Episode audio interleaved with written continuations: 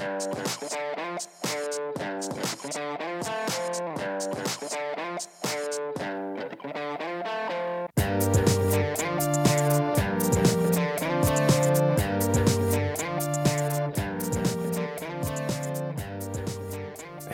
Välkomna till tredje avsnittet av Tro och förnuft-podden som produceras i samarbete med tidningen Dagen och Husanus. Jag heter Rickard Dahl och med mig har jag Kristoffer Skogholt och idag ska vi samtala med Karl Reinhold Bråkenhielm om forskningsfältet kring religion och naturvetenskap och hans eget arbete med de här frågorna. Ja, då säger vi välkommen till Carl Reinhold Bråkenhielm som är dagens gäst och som är professor emeritus i tros och livsåskådningsvetenskap vid Uppsala universitet och projektledare för Cusanus som är ett projekt för vetenskap och religion-dialogen. Välkommen! Tack så mycket! Ja, så vi kanske kan börja med att lyssnarna kan få lära känna dig lite bättre. Kan du säga någonting om vad du har jobbat med och vilka frågor du har intresserat dig för under din akademiska karriär? Ja, jag har varit anställd eh, så gott som hela mitt liv på Uppsala universitet och arbetat inom lite olika områden. Eh, min doktorsavhandling som jag försvarade 1975 eh, den behandlade engelsk religionsfilosofi. Och några grundfrågor i den tidens diskussion om hur man ska uppfatta religiösa utsagors mening. Det rådde vid den tiden en ganska eh, omfattande diskussion om religion och religiösa uttryck egentligen bara är känslor. Eller om de uttrycker någonting och kan uttrycka någonting som kan vara sant eller falskt. Det där diskuterar jag i min avhandling, eh, liksom grundfrågan om om det nu är så att det är sanna alternativt falska påståenden. Vad kan man ge för skäl för att de är sanna eller falska? Religiös erfarenhet är någonting som har intresserat mig under hela eh, mitt eh, arbete här på institutionen. Jag har skrivit om det i olika sammanhang. Men jag började också tidigt att eh, uppmärksamma den här diskussionen om religion och vetenskap. Och en bok som blev viktig för mig det var en bok av Ian Barber, en amerikansk eh, forskare som hette helt enkelt Issues in Science and Religion. Det var en sån här bok som gick igenom både historiskt och i nutida teologi om vad som tänkts och tyckts i den frågan.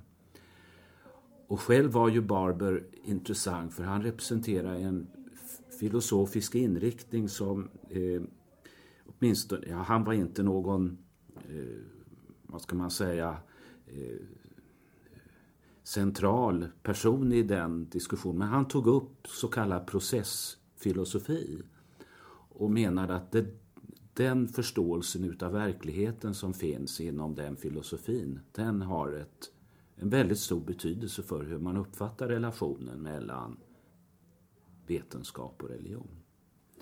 Om jag går tillbaka till det som du inledde med att säga, nämligen vad du skrev om i din avhandling, mm. så blir jag nyfiken på vad som blev din egen så att säga, hållning där. Har religiösa utsagor något sanningsanspråk som du ser det?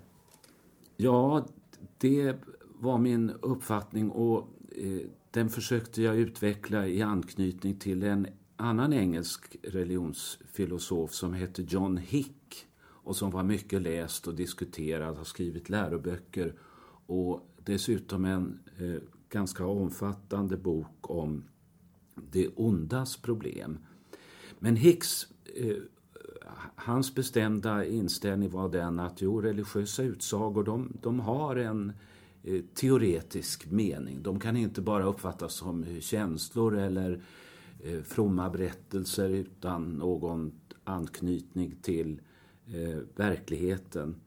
Och Hick försvarade den tanken med att en gång så kommer det att visa sig om de här religiösa påståendena om Guds existens och Guds godhet i kommer att visa sig i en eskatologisk eh, nyskapelse utav världen. Eh, det var den uppfattning som, som han ledde. Och många har knutit an till John Hick men kanske inte köpt hans teori om den så kallade eskatologiska verifikationen. Just det. Mm. Det där har ju lite kopplingar också till hur man tänker kring moral och så. Att det är ju en ganska populär uppfattning att moraliska utsagor är bara mm. känslouttryck så att säga. Det kallas emotivism då. Just det. Och det är en slags teologisk motsvarighet då? Eller Precis, det kan man säga. Att många av dem som anser att religiösa utsagor bara är känslouttryck kanske har samma teori om moralen och estetiken när vi uttrycker oss om vad som är vackert. Ja, det. Är det bara någonting som har in the eye of the beholder som det heter? Mm. Eller är det någonting som vi urskiljer i verkligheten? Som... Det hänger ju ihop med att en, en, en, upplevelse som jag ofta har nämligen att, att det finns en tendens att man tänker att rationalitet är bara vad det gäller empiriska, naturvetenskapliga, studerbara. Och sen mm. finns det liksom ingen rationalitet och därför säger man till exempel att det är bara tro eller någonting sånt. Mm. Att det finns ingen möjlighet för... Precis och eh, det där är ju en uppfattning som är ganska vanlig men om man tittar på hur teologin har utvecklats genom århundradena så upptäcker man ju väldigt snart att där är det i hög grad en fråga om eh, rationalitet. Man eh, anför argument, anser sig ha goda skäl för, låt oss säga, en objektiv försoningslära eller en subjektiv. Och det finns alltså en pågående diskussion eh, Eh, där man ger och tar skäl. Så det vore lite konstigt mot den bakgrunden att man skulle komma till den slutsatsen att det inte finns någon rationalitet i, i teologin. Det kan ju mer eller mindre vara närvarande i religionen men teologin är ju den kritiska reflektionen över religionen och religionens eh, olika fenomen och, och eh, tankar om verkligheten. Mm. Och samtidigt så har ju Hick liksom, var, var det för att han på något sätt representerade någon typ av balans eller medelpunkt mellan en liksom total konstruktivism och liksom vad som skulle vara på andra sidan. För han har ju också de här tankarna om att det spelar väldigt stor roll att liksom religiösa upplevelser erfar, alltså han har Wittgensteins uttryck liksom experiencing as, alltså en, en erfarenhet blir en religiös erfarenhet för att vi upplever den som religiöst ja. betydelsefull och hans syn på Gud är ju liksom mm. lite det här kantianska att, han, mm. att Gud är liksom det verkliga som vi inte helt kommer åt och så. Mm. Så hade han, var det liksom att Ja, det är alldeles, det, det, är precis eh, på pricken höll jag på att säga. Jag såg Hickius som en slags medelväg mellan en ytterlighet som kanske såg parallellen mellan våra vardagsuppfattningar och religion lite för eh, nära kopplade till varandra. Och en helt annan uppfattning då som, eh, som du beskrev det som gick ut på att man måste väldigt skarpt separera mellan vad som är ett religiöst så kallat språkspel och vad som är ett vetenskapligt och vad som är ett moraliskt. Och på den tiden, alltså det här är då för 35-40 år sedan, så var det en ganska vital diskussion om de här sakerna. Nu så finns den inte på riktigt på samma sätt längre. Det som Varför du, inte det? Har du någon tanke om det? Ja, eh, alltså jag tror att många idag tycker det är så helt självklart att den här frågan om religion har en teoretisk mening eller inte den är avgjord en gång för alla. Det är klart att religionen har teoretisk mening. Sen är det många som tycker att den har en mening fast den uttrycker någonting som är falskt eller ogrundat mm. om verkligheten. Men den förutsättningen den var problematiserad för 40 år sedan. Men nu tror jag den är mera eh, självklar för många som finns på det här området. Och det är ju en förutsättning för att man ska kunna ha religionskritik överhuvudtaget. Eh, om religion bara är en fråga om känslouttryck då, ja, då uppstår ju inte någon diskussion om det är rationellt eller inte. Det blir en slags förutsättning för vetenskap och religion-dialogen på ett sätt. Det blir det också. Mm. Det är alldeles mm. riktigt. Mm. Och det är väl kanske till och med en förklaring till att den här frågan om vetenskap och religion har utvecklats så kraftfullt efter eh, 70-talet att man fick någon slags konsensus kring det här att eh, religion kan inte reduceras till moral, den kan inte reduceras till bara ett känslouttryck. Den måste också rymma någon slags eh, verklighetspåståenden. Och då blir ju frågan, hur är de relaterade till vetenskapen? Den blir ju intressant då. Och först där kan den bli meningsfull. Du nämnde Barber tidigare mm. och han har ju fyra grundmodeller mm. mm. för vetenskap och religion. Integration, dialog, oberoende och konflikt. Konflikt, ja just det. Eh, när du pratar så tycker jag det låter som att du drar åt en dialogmodell. Eh. Ja, det, det, är nog riktigt. Eh, fast jag skulle kanske vilja tillägga eh, att man kanske måste eh, uppfatta, eller man bör kanske tolka Barber som så att eh, de här fyra modellerna kanske inte är, får generaliseras till att gälla alla frågor som berör vetenskap och religion. Utan i vissa frågor så kan det kanske finnas en konflikt. I andra frågor så finns det behov av att man gör en sån här separation. Återigen i andra frågor kan man mer tala eh, om dialog och slutligen i, i vissa andra frågor om, om, en integration. Så att eh, jag tror att det är ett misstag att uppfatta de här fyra modellerna alltför eh, generellt. Utan man kanske måste nalkas diskussionen om vetenskap och religion lite grann underifrån eller från detaljnivån. Och då ser man att modellerna, en modell kan gälla ett visst sammanhang, en annan modell i ett annat. Just det. Så du sa lite om bakgrund eller eh, några av de frågorna som var viktigt i övrigt i teologin på mitten, alltså början, första hälften av 1900-talet och de här tidiga pionjärerna inom mm. religion och vetenskap, mm. dialogen, Arthur Peacock, Ian mm. Barber och så mm. vidare, vidare. De gjorde på, något, på ett sätt någonting som var ganska nytt, alltså att mm. försöka föra de här två eh, eh, sakerna samman då och reflektera över, över det ur, ur den här modellen till exempel som, som Barber har. Men kan du säga alltså hur tycker du att fältet har utvecklats sedan dess? Alltså vad skulle du kunna teckna lite? Ja, ja. alltså man kan väl säga så här att eh, det är klart det fanns en diskussion om religion och vetenskap också innan Barber. Det finns eh, eh, både amerikanska och engelska filosofer som skriver eh, böcker men de är, inte, de är inte lika kända och allmänt diskuterade kan man säga. Och går man långt längre och längre tillbaka så ser man ju, måste man ju påminna sig Alfred North Whitehead som skrev eh, en bok om science and religion och så, vars stora huvudarbete eh, där var den här frågan en, en väldigt viktig, eh, viktig sak.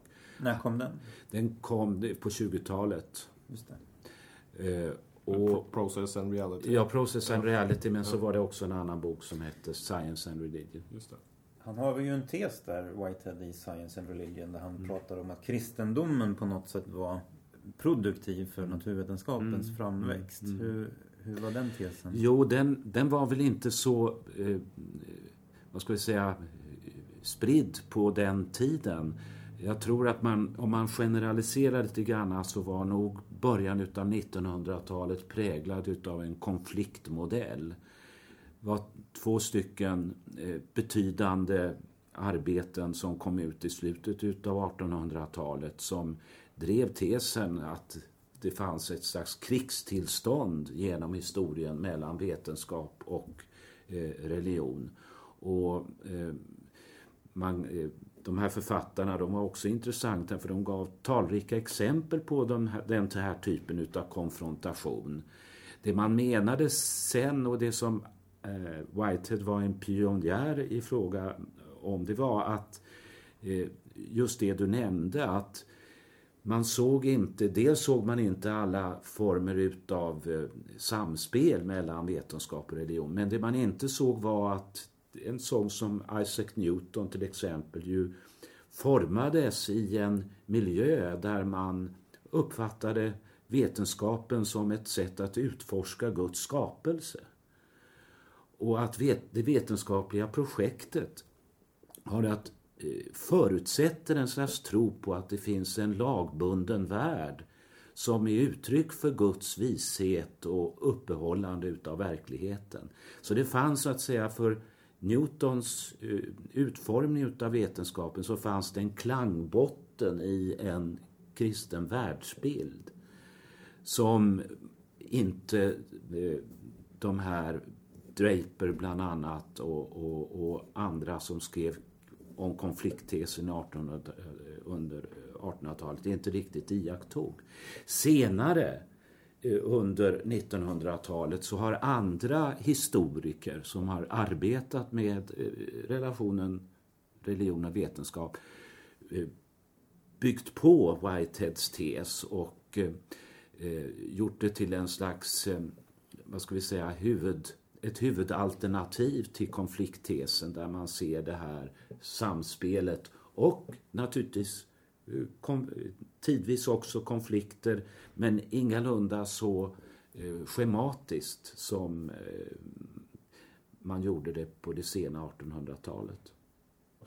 Så det är intressant, så du nämner, intressant att du tog upp Whitehead som en mm. tidig pionjär för det fältet. Och det låter lite när du berättar som att man eh, i under då första hälften av 1900-talet att man kanske liksom sökte lite efter en Alltså som Whitehead gjorde, en ny ontologi. Mm. Liksom så här, så man, så eh, kvantfysiken liksom kommer ut till mm. folk flest och, de, och det, alltså det blir någonting som blir känt och, mm. och, och, eh, och inte bara för teoretiska fysiker så att säga och man får känslan av att vi är på väg vi, vi, är på väg att få en ny världsbild eller vi behöver mm. kanske få en ny mm. världsbild. Mm. Och skulle du säga då att, eh, och, man har ju arbetat en del med de här frågorna just där, så Guds relation med världen, mm. hur, mm. Alltså lever vi i ett deterministiskt universum till mm. exempel? Det har varit en stor fråga inom religion och vetenskap-dialogen. Skulle du säga att den första, om man kan prata om en så här första tid under under det här forskningsfältet då, under 1900-talet, mm. handlade om det att, att liksom de här väldigt stora frågorna om vad ska vi ha för världsbild mm. om vi ska försöka relatera vetenskap och religion? Mm. Ja, det kan man säga. Och det är någonting som är viktigt för Ian Barber också när han talar om den så kallade integrationsmodellen. Då är det just eh, att hitta en eh, världsbild som Eh, där vi kan beskriva just det du nyss var inne på, hur, hur Gud och världen är relaterade till varandra.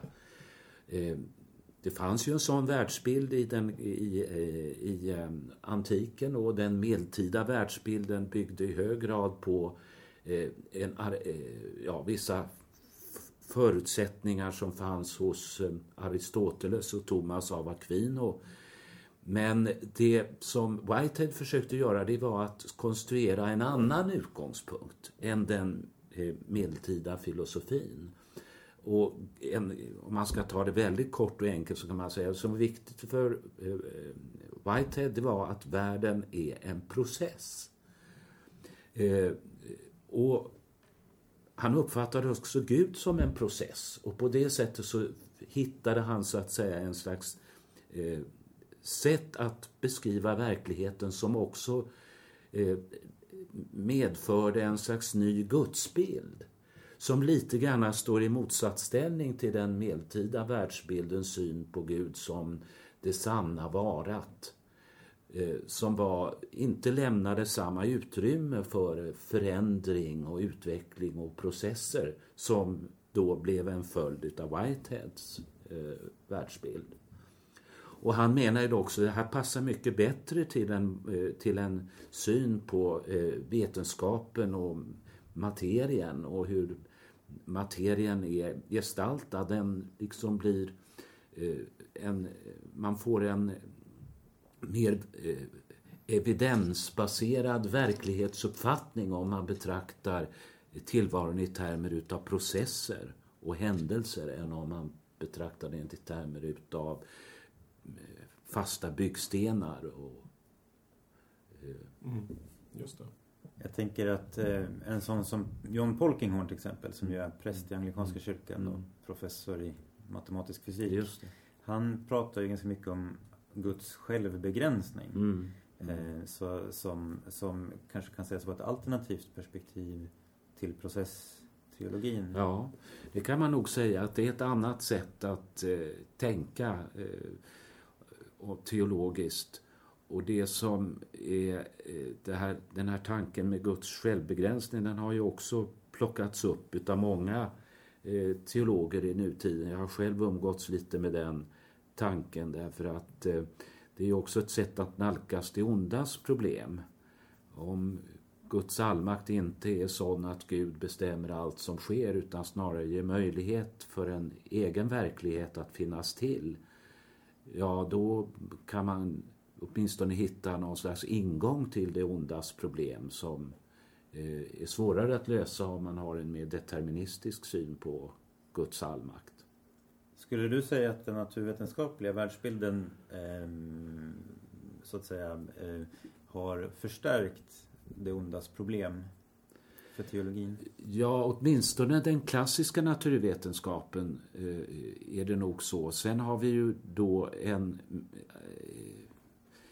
mer indeterministisk syn på eh, tillvaron som har vuxit fram med den nya kvantfysiken eh, som eh, kanske har mm, medfört vissa möjligheter att, att, att hantera det ondas problem som inte fanns tidigare när man utgick ifrån att allting fungerade som en klocka.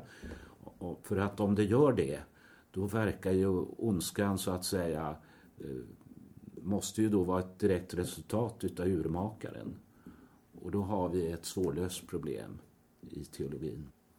Jag tänker för de av våra lyssnare som inte, som kanske tycker att det är någonting nytt, eh, hela tanken att det finns ett helt forskningsfält då, som engagerar en mängd akademiker mm. internationellt som är liksom studiet av relation mellan vetenskap och religion. Skulle du kunna ge någon typ av översiktsbild om över liksom vilka typer av frågor mm. är det man pratar om? Vi har varit inne på, på många redan, men liksom, ja. Ja, berätta lite. Eh, alltså det mest naturliga kanske den som eh, många människor eh, som inte är akademiker men som kanske följer dagsdebatten och eh, läser tidningarnas kultursidor. Eh, där är det ju klart att frågan om skapelse och eh, utvecklingslära är en utav de frågor som debatten har, har kretsat kring. Ehm, och det är ju också det som aktualiseras i den moderna formen utav religionskritik som representeras utav ja, personer som Richard Dawkins eh, eh, och många eh, andra med honom. Eh, de är ju ofta, berör ju ofta den här frågan som en av de eh, centrala. Men det finns ju naturligtvis många andra och till det hör om man vänder sig till den rakt motsatta frågan. Hur slutar det? Vad har vetenskapen för uppfattning om eh, vart universum är på väg? Och, och eh, man har pratat mycket inom naturvetenskaplig kosmologi om den så kallade värmedöden. Att universum expanderar och så småningom slocknar allting och all energi töms ut och vi får ett stort svart tomrum till slut. Ja, hur förhåller sig det till tanken på eh, den kristna visionen av nya himlar och ny jord? Det finns många som, eh, teologer som eh, funderar över det här i dialog med modern, modern kosmologi. En annan lite mer näraliggande fråga är kanske hela frågan om medvetandet. Om vi har en... Har människan en själ? Eh, kanske hon inte har, men det finns i varje fall mentala eh, förlopp. Vi tänker, vi, eh, vi har känslor, vi älskar, vi känner moraliskt ansvar och så vidare. Allting har med vissa mentala eh, tillstånd att göra. Hur förhåller sig det till hjärnforskningen? Är det här bara processer i våra synapser? eller kanske i relationen mellan olika eh, nätverk i, i den mänskliga hjärnan. Ja, hur ska vi uppfatta det mentala i ett neurovetenskapligt perspektiv? Så det är en tredje fråga. kan passa på att nämna en fjärde också. Eh, hela synen på människans kunskapsförmåga. Hennes förmåga att få bilda sig uppfattningar om verkligheten. Den har ju präglats Eh, och bestämts mycket under evolutionens eh, gång. Vi har fått den eh, kunskapsförmåga som vi har delvis på grund av att vi, den har gett oss en fördel i kampen för överlevnad. Många drar av detta slutsatsen, ja men då är det kanske så att vi överhuvudtaget inte eh, det viktiga är inte egentligen vad som är sant utan det viktiga är vad som är nyttigt. Vad, vad som är funktionellt vad som, att tro och ja, tänka precis, snarare än vad som precis, är sant. Ja, vad svarar ja. du på den då? Ja, det är inte en helt lätt sak att ta ställning till. Jag skulle väl svara ungefär så att eh, eftersom eh, vår kunskap eh, eh, vår kunskap är funktionell därför att den på något sätt ändå ger oss en liten, ett litet fragment utav verkligheten. Om vi inte eh, visste att vi skulle falla av bron om vi tog några steg utanför räcket. Ja, vi vet det därför att de som har försökt att göra det, de har inte överlevt. Så kan man inte säga, vilket jag skulle vilja göra, att eh, sanningen är... Vissa kunskaper är funktionella därför att de är sanna. Just det. Jag hade en vän som skickade för, till mig för ett tag sedan en artikel av en evolutionsteoretiker som faktiskt gjorde just det här eh, argumentet. Mm. Att nej men, våra övertygelser är ju till för våran överlevnad och reproduktion. Mm. Mm. Och alltså har vi ingen kunskap. Mm. Men problemet blir ju att han själv någonstans förutsätter att han har den kunskapsförmågan. Ja, så, att ja, säga. så det är lite ja. svårt att argumentera emot det. Men, men det är en väldigt eh, intressant eh, diskussion. Det är en väldigt intressant diskussion och, och eh, det är många som säger driver den här funktionella tolkningen eh, väldigt långt och säger att den inte behöver innefatta någon referens till vad som är sant eller rationellt. Eh, svårigheten är då, vad har vi då fått begreppet sanning ifrån? Just det. Och eh, är det någonting då som egentligen inte kan förklaras på ett, i en evolutionär teori?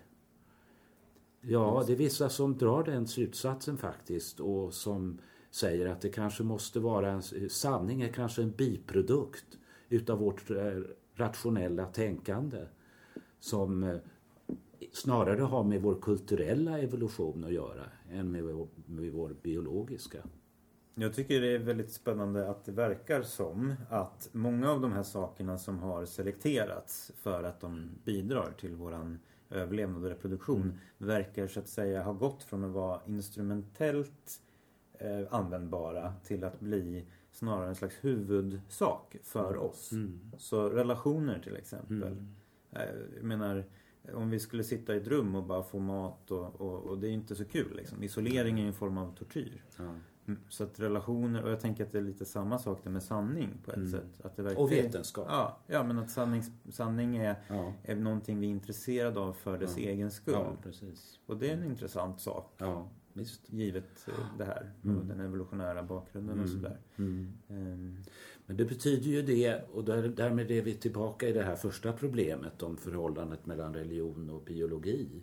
Det betyder ju kanske det då att man eh, har anledning att eh, fråga sig om eh, de biologiska förklaringarna utav människan är i allt igenom helt och hållet tillräckliga. När det gäller moral till exempel. Det är klart att eh, kan man inte, är det inte rimligt att tänka sig, ju visst moral har ett visst överlevnadsvärde i den meningen att när vi håller på vissa normer så stärker det gruppens sammanhållning och därmed så kan moralen ha fått ett biologiskt fotfäste i människan. Men sen är ju moral mycket mer än det. det är en slags känsla av förpliktelse även mot de som står utanför den egna gruppen. Så det har skett någon slags eh, tänjning utav de ursprungliga moraliska begreppen till att också gälla sammanhang utanför den egna gruppen. Och eh, då behöver vi liksom delvis andra förklaringar av det här centrala i människans natur som moralisk övertygelse utgör. Och på samma sätt kan man kanske tala om vetenskap och på samma sätt möjligtvis också om religionen som någonting som i viss mån är biologiskt förankrad kanske i vår känsla av det som ligger bortom ursprungligen bortom savannen, bortom det vår, våra eh, eh, jaktområden men som fascinerade människan och kanske drev henne ut från Afrika för när det nu var eh, vad är det man säger? 200 000, 200 000 år sedan är nu mm. dagsnoteringen. Ja. Mm. Eh, kanske var det en slags känsla för det som eh, ligger utanför den vanliga verkligheten. Och det är ju en viktig element i all, all religion. Men sen har vi då i vår kulturella evolution byggt på den här tanken och, och vidgat våra verklighetsramar och nu tänker vi om verkligheten i dess helhet. Så att, men det blir ju i hög grad en kulturell fråga i samspel med vetenskapens kunskaper. Jag tycker det är väldigt intressant att du här gör en slags koppling mellan vetenskap och religion mm. som är just den här uh, utvidgningen eller överskridandet mm. av det omedelbara mm. och det praktiska eh, så att säga. Så att det finns En, en transcendens i både vetenskap ja, och religion ja, där. Ja, visst. Mm. Eh, sen är det kanske så att i religionens värld så tänjs den här vidgningen ännu ytterligare ett steg när man talar om det som helt ligger bortom det som vi kan så att säga begripliggöra med våra inomvärldsliga begrepp. Och det är där man då nalkas naturligtvis gudsbegreppet i en, eh, i en utformning som även klassiska teologer under medeltiden reflekterade kring. I samma banor så att säga. Så vi är inte så långt borta som från medeltiden som vi ibland tycker. Nej, precis. Och det, det blir ändå att det är en del av samma rörelse så att mm. säga. Ja, ja, visst. ja, det håller jag med om. Mm. Mm. Men ibland brukar jag tänka att det finns två sätt att vara religiös på. Mm. och det är lite ibland när jag blir lite frustrerad. Och då, ibland så tänker jag att religion när det är, skulle, är, när det är bra, ett sätt att försöka tänka i så vida kategorier som möjligt eller så mm. öppet mm. som möjligt. Eller så blir det ett sätt att, för jag menar vi har ju alla, det finns ju en vetenskap och religion-konflikt också. Ja. Och den uppstår ju ibland i ett mera fundamentalistiskt så att mm. säga förhållningssätt och då mm. blir det snarare att religionen hindrar den här transcendensen. Ja. Ja. Eh, och det det, det, är ju en aspekt av det. Men för att återkoppla till det här med moralen. Så mm. när jag läste en kurs i socialpsykologi så pratar man ju mycket om ingrupper och utgrupper mm. och sådär. Mm. Och, och jag tror att det är så många kanske upplever när religionskritiker ibland tänker att religion bidrar just till det här att skapa utgrupper. Mm. Eh, och, och den, att man har en reciprocitet pratar man ibland om. Att det finns något naturligt i att hjälpa ja, den som ja. hjälper en själv och ja, sådär. Det. Och det där tyckte jag var intressant att koppla till Jesu undervisning mm. om att älska sina fiender. Som mm. ju, mm. Jag vet inte, har du några reflektioner? Jo, absolut. Jag tror att eh, det som är en slags kärnpunkt i det nytestamentliga budskapet är den här vidgningen utav den moraliska cirkeln.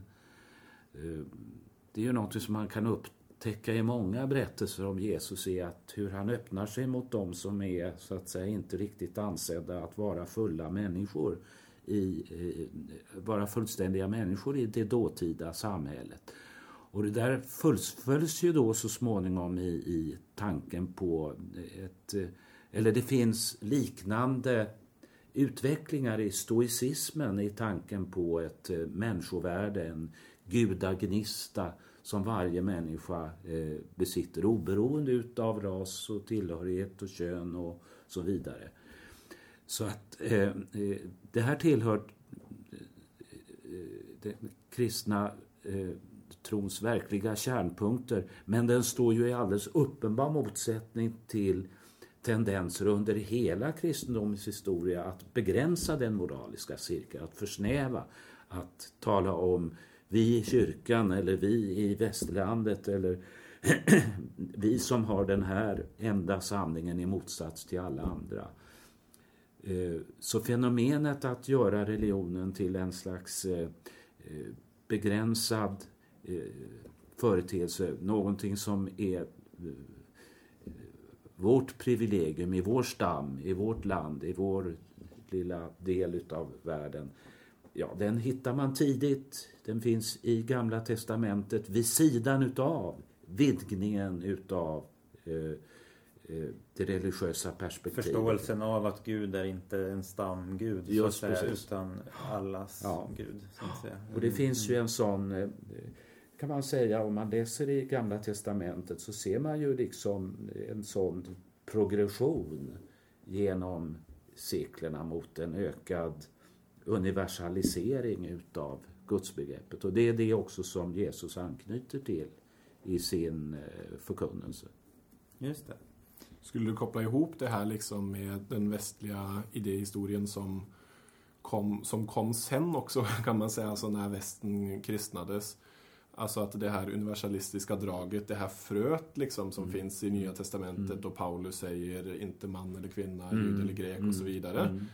Alltså skulle, skulle man kunna måla den utvecklingslinjen hela vägen fram till universella mänskliga rättigheter och så vidare och så vidare. Ja, det finns otvivelaktigt eh, en sån utvecklingslinje. Men, men man får bara tillägga en liten fotnot till detta. Och det är då det att den här tanken som, eh, den här utvecklingen som man kan urskilja, den plockas då vid skilda faser upp och sätts in i, blir betydelsefull i andra eh, livsåskådningar än den kristna. Så att den, inte minst under 1700-talet när de klassiska ideologierna utformas, marxism, liberalism, eh, eh, konservativ eh, åskådning och i modern tid eh, de nya ekologiska miljöinriktade livsåskådningarna.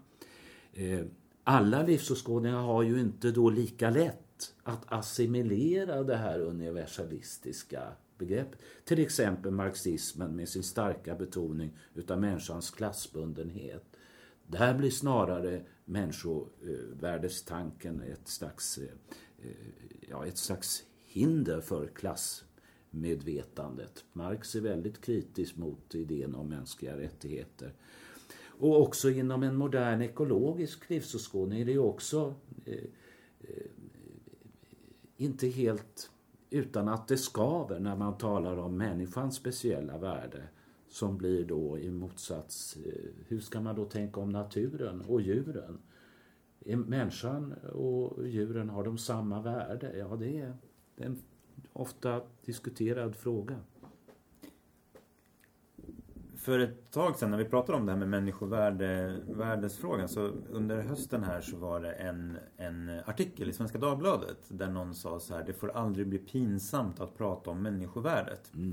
Och han beskrev det som att det finns en upp, han kände det som att det finns någonting gråtmilt och religiöst, sentimentalt mm. över uttrycket. Mm. Och det här svarade en som heter John Sjögren på och så att han upplevde det här var ju lite han kunde inte skaka av sig den där krönikan. Vad är det som, är, så att säga, vad är det som skulle vara pinsamt med eller, mm. eller det här? Men det kanske sätter fingret på att man kan ändå ställa frågan om i vilket, på vilket sätt kan man så att säga, den här sekulär, en sekulär livsåskådning och berättigandet av människovärdet. Det är inte exakt vetenskap och religionfrågor men det ändå tangerar det för det har med livsåskådning mm. Mm. att göra. Mm. Um, och vissa skulle ju hävda då, jag tror att Nietzsche var inne på den tanken att, att även när vi hade förkastat Gud så har vi liksom kvar vissa mm. eh, rester av mm. vår tro. Mm. Men de måste vi göra oss av med. Um, hur tänker du kring de frågorna? Jo, eh, jag tänker så här att det, det är otvivelaktigt så att tanken på människans eh, särställning, hennes människovärde, hennes säregna eh, form utav eh, natur. Det är tankar som eh, har varit viktiga i, i den judisk-kristna traditionen under två, tre årtusenden. Och de eh, har samtidigt varit ifrågasatta. Eh, dels utav de då som har haft den här, vad ska vi säga, eh, lite mer begränsande synen att nationella identiteten är liksom överordnad eh, eh, frågan om människovärdet och den eh, egna gruppen och den egna traditionen ska väga tyngre än den här eh, vad ska jag säga, universella gemenskapen som mänskligheten utgör. Och vi, i vår tid så har det, är det en slags eh, eh renässans för sådana tankar. Och den, den har, de har naturligtvis blivit stimulerade av flyktingkrisen och många andra saker i vår värld. Men vi ser det överallt just nu, hur det här återkommer. Eh, det som vi inte ser lika ofta är hur det här kommer i ett väldigt tydligt spänningsförhållande till eh, de här kristna grundtankarna som vi nu varit inne på. I själva verket ser vi många kristna och teologer som vill ansluta sig till de här lite mer sekteristiska synsätten som, som finns. Och jag tycker det är beklagligt. Ja, nu har vi pratat väldigt mycket om, om eh, vetenskap och religionfrågor och sådär. Eh, inledningsvis så nämnde vi att du är projektledare för mm. Cusanus. Vill du, kan du berätta någonting om vad det är och var, varför ni startat det och så? Ja, eh, Eh, Eh, det kan jag göra. Det har ju här på institutionen, eh, teologiska institutionen i Uppsala funnits en eh, stark inriktning mot de här frågorna i snart 20-25 år. Och det har varit eh, särskilt knutet till eh, ämnet religionsfilosofi och professor Mikael Stenmark som har skrivit mycket om de här frågorna sedan mitten av 90-talet. Ehm, så att det är ett starkt bidrag till den här diskussionen som vi pratar om och som naturligtvis är en global diskurs som man brukar säga. Det är eh, ett starkt bidrag kommer just härifrån Uppsala. Ehm, så att det var inte så underligt att eh, eh, det har funnits vissa kontakter mellan en stiftelse i USA som heter John Templeton Foundation som har intresserat sig mycket för att stötta forskningen kring religion och vetenskap. Också intresserat sig för vad som sker här i Sverige. Och eh, visst, sporadiskt stöd har kommit från den stiftelsen till olika konferenser och, och eh, annat här i Sverige. Men nu, för några år sedan, så eh, kom erbjudandet från Templeton att eh, vi är beredda att stötta ett utbildnings och forskningsprojekt i Sverige kring frågor om vetenskap och religion. Och då följde på min lott att förbereda en ansökan och det tog några år att göra det i dialog med, med eh, många här i, eh, på institutionen, men också ute i Sverige. Eh, I Svenska kyrkan, i Ekumeniakyrkan, i många andra sammanhang där det finns en sån här ett sånt här intresse sedan lång tid tillbaka. Vad är, din, eh, vad är din upplevelse av intresset för den här dialogen? Har det förändrats under din verksamma tid? Ja, det har det gjort eh, kan jag säga. Och intresset har vuxit mycket under de senaste 10-15 åren. Vad tror du det beror på? Jag tror det delvis nog beror på att under samma period så har också den så kallade nya ateismen vuxit fram och blivit en stark röst i diskussionen. Ofta med en väldigt nyttig religionskritik men kanske uh, lika ofta med en slags uh, uh, i en militant polemik. Så den har varit som en slags katalysator då? Ja, ja, jag skulle vilja säga att det har absolut har varit på det viset. Samtidigt som den då har bidragit till att återuppväcka tankar som många av oss både innanför och utanför akademin har haft i den här frågan. Eh, själv skrev jag min första artikel om religion och vetenskap 1978 tror jag det var. Vad handlade den om? Ja, det var en, ett försök att just hitta olika modeller för den här relationen. Lite i Barbers anda men utan direkt anknytning. Ja, med viss anknytning Mm. till honom. Ja. Och vad har ni för projekt här inom Cusanus? Ja, vi har... Eh, en stor del av verksamheten är koncentrerad till Göteborgs och Lunds stift där en särskild person, Sara Blom, är, som är både eh, eh, forskare i fysik, disputerad i fysik och samtidigt präst i Svenska kyrkan. Hon leder projektet där nere. Och det går mycket ut på att knyta an till Vetenskapsfestivalen i Göteborg till exempel, vara med på Bokmässan, men också vara ute och eh, intressera församlingar och präster för den här frågan.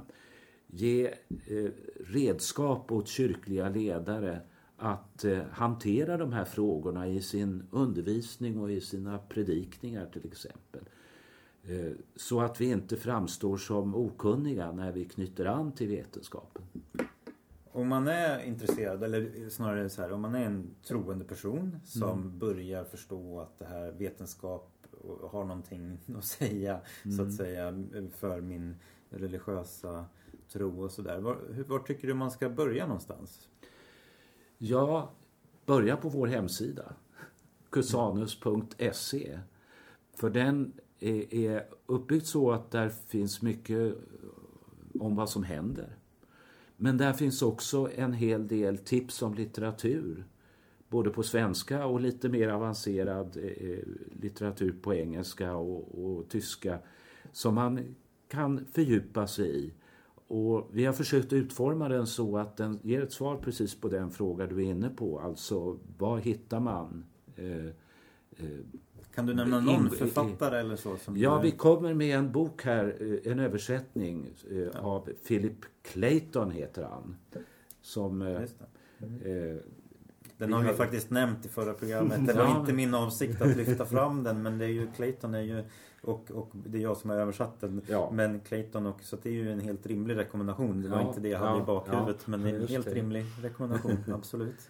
Just det. Ja. Så den, den kan man ta och eh, titta på. Sen finns det ju naturligtvis annat också. Om jag ska nämna någon bok på svenska så vet jag att eh, Francis Collins är... Vem är det? Han är eh, ledare, eller var ledare för ett eh, så kallade genomprojektet, eller Hugo-projektet som det hette i USA. Idag tror jag han har en framträdande ställning i det eh, i eh, medicinska eh, frågor i, USA. Men i varje fall, Francis Collins eh, är också troende. Och samtidigt då en, en, en betydelsefull forskare om, om sådana här, gen, i, när det gäller mänskliga genomet, vår arvsmassas och dess sammansättning. Han har skrivit en bok om hur man eh, Evolutionens gud tror jag den Just precis. Ut, Mm. Den har översatts för några år sedan. Jag tycker det är en bra diskussion. Han har, man kanske inte håller med honom om allting. Han är, eh, eh, han är alltså troende kristen och får ses mot bakgrund av den, den amerikanska eh, situationen. Men, men den är, jag tycker det är mycket han säger är tänkvärt om religion och vetenskap i den boken. Så den rekommenderar jag också. Mm. Tack för det. Så lite avslutningsvis då, vi har pratat lite om historien eh, kring eh, religion och vetenskap-dialogen. Och skulle du kunna säga någonting också om vilka frågor som du tror kommer bli viktiga i framtiden? Mm. Mm. Alternativt vilka frågor som är extra svåra att lösa. Alltså så jag Mm. tänker att eh, vilka landvinningar har skett och vad är det som kvarstår så att säga? Mm, mm. Eh, först bara kanske jag ska säga när vi diskuterade om Barber och det han gjorde på 1970-talet så gick vi raskt tillbaka till början utav seklet och hans inspirationskällor, inte minst Whitehead. Men man kan ju också gå framåt och fråga sig vad hände efter honom. Jag tänkte bara kort nämna det att han ju med sin bok om eh, Religion and Science som kom i två olika versioner. Fråga, vad, vad, hette den inte Issues in Science? Issues in Science and Religion hette den första. Ah. Mm. Kom 69, 68 eller 69. Ehm, och sen kom det en större bok som var ett slags eh, eh, bygger på hans så kallade Gifford-föreläsningar.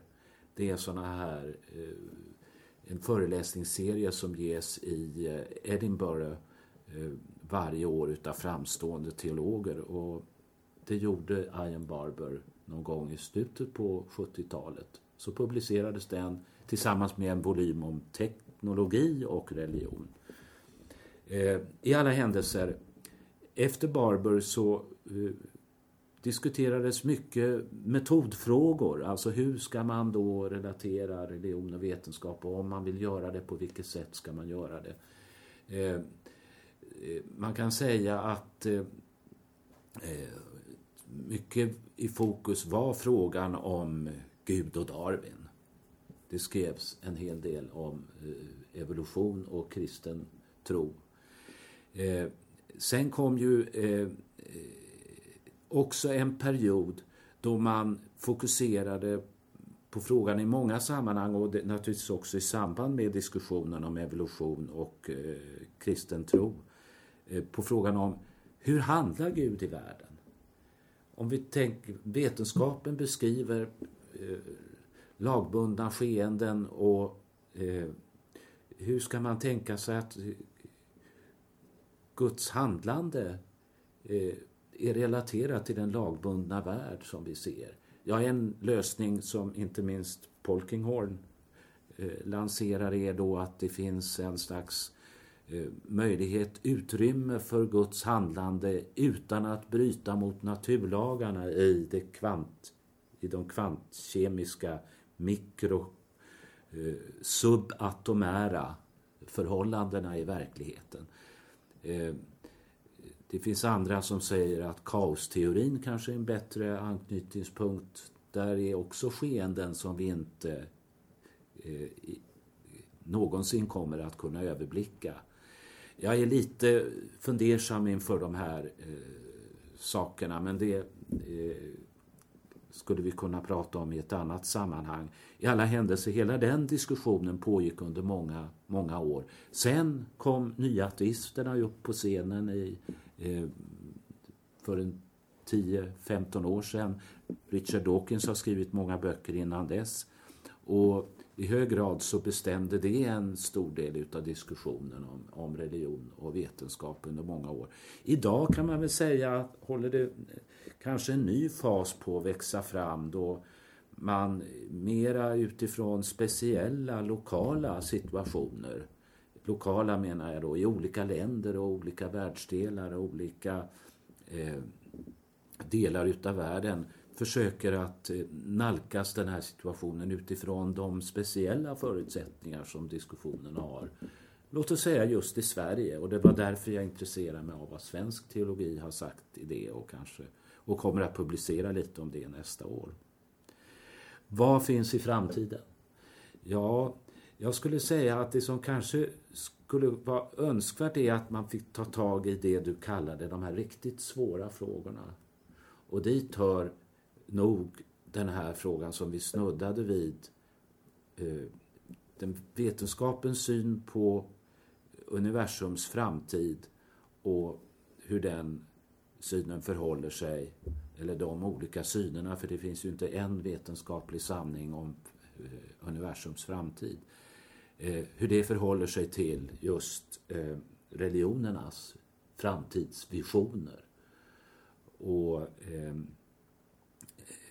Det finns många tankar om detta men den diskussionen skulle förtjäna att fördjupas och stimuleras bland annat av det som ärkebiskop Antje Jackelén har skrivit i den frågan. För hennes doktorsavhandling handlar till stor del om sådana här frågor mötet mellan en vetenskaplig eskatologi och en kristen eskatologi.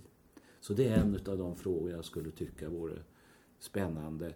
Sen är det otvivelaktigt hela den här frågan om medvetandet och jaget och den fria viljan, som ju alla är tanke, där det, kristen teologi har eh, Eh, eh, en ganska stark övertygelse eh, och ofta eh, tanken på den fria viljan försvaras utav många utav de stora teologerna i kristendomens historia.